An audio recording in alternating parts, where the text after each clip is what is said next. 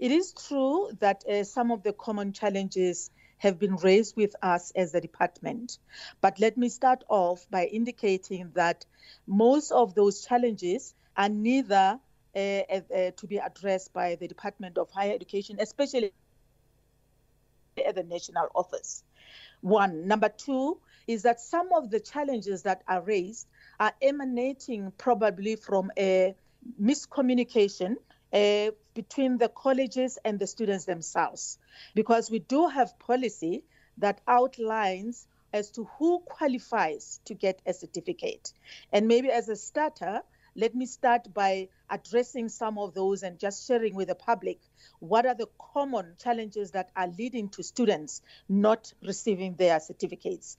For a student to receive a certificate, one, you must have registered for a program in all the qualifications that we are offering.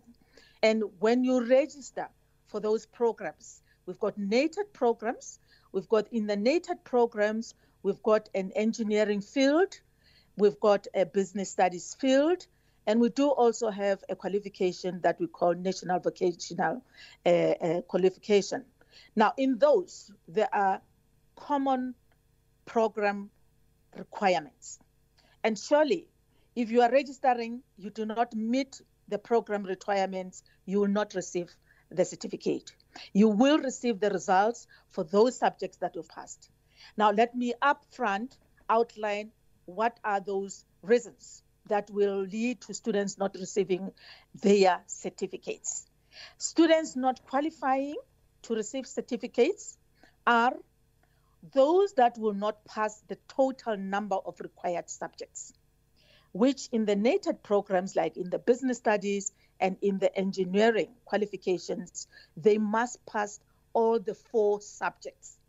In the NATED uh, qualifications, business studies, and the uh, engineering. Those sub- four subjects is mandatory that students will pass.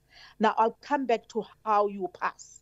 In the NCV, you really have to pass seven subjects as per the program requirement.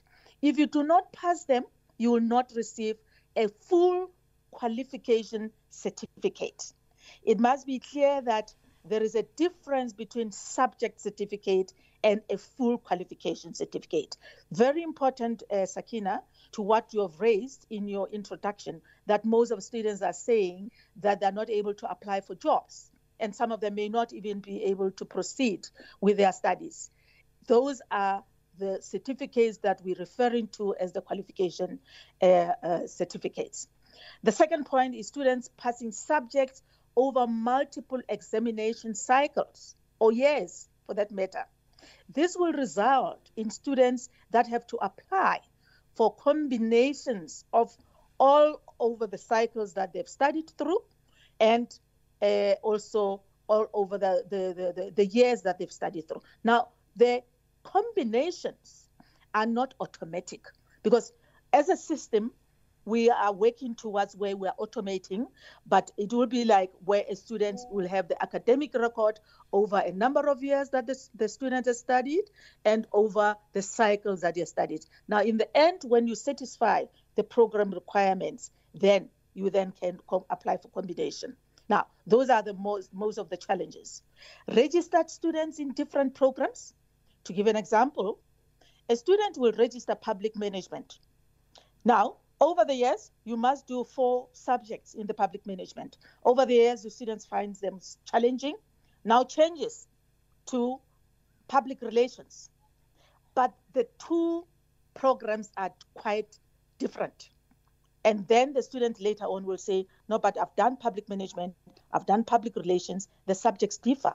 And you then do not meet the certification requirements. You might have the results, but then you do not meet the certification requirements. So it is prudent that this understanding is made out there before there is a, actually a misunderstanding.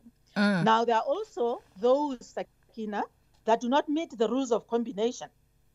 You know, that in the play here is where, as a department, we have policies that are allowing for condonation even if you do not meet. Remember earlier on, I said you must pass four subjects but we could actually condone one subject if you're shorting uh, 2% uh, to uh, get a minimum uh, uh, qualification in that regard. For credit transfers, if you're coming from different programs, we do have what we call articulation of our programs with other institutions of higher learning, but can only condone 50% of that. Now, some of those are the ones that are actually leading uh, to the students uh, in the public domain that are saying they do not. Some of the colleges do not even submit their internal uh, assessments. I must say that all qualifications have two parts. They've got two uh, weightings. You've got a written component where our students are writing examinations. They do sit for structured examinations that all of us have studied, Sakina. And we've got also internal assessment. Now, these two components will actually have to be combined to give you a qualification. That's what we call in the weighting. If you miss one component, surely you cannot get uh, your certificate. Uh, and those are some of the the students. Uh, I mean, the students' queries mm. that are getting to us. So, uh, you know, those are some of them. I don't know. I'm not sure yeah. how much time do I have to. Not much, you know, Ms. Tetlo, unfortunately. Yes. Uh, yes. And, and in what you're explaining to me, what I find concerning is the fact that students would not understand uh, what the requirements are. Because one would imagine that they would. And even if they didn't, they would ask and this would be explained to them. Look, Sakina, I, I really want to emphasize to, to our listeners here that our colleges are, do, are doing as much as they get to can explain to the students. The key challenge is students are writing at the colleges where they've said for their examinations. Certificates will be sent to those colleges. They are not sent anywhere else and they're not sent to every household of our students.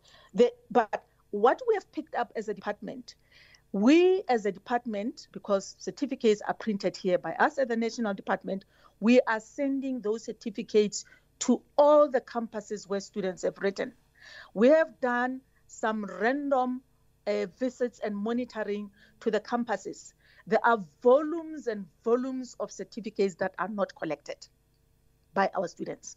And yet, they then uh, would then uh, come to the national office or flood the, the, the, the, the call center with queries that we do not reach, receive the certificates, whereas the certificates are piling and piling at the centers where the students are. That is a challenge. Mm. In but, most but, cases, those are the issues. Have you followed up on why that is the case, though, uh, Ms. Tetlo? Because if the students are trying to follow up uh, to actually get their certificates, and the certificates at times are with the TVET colleges, what are some of the reasons for them not being issued?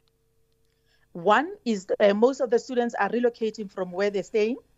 Uh, they're going to different provinces and uh, because some of them would start, uh, maybe let me use an example of an NCV program, they will start their study at this particular Seattle College uh, in Limpopo for, do, to, for, to, for doing a level two.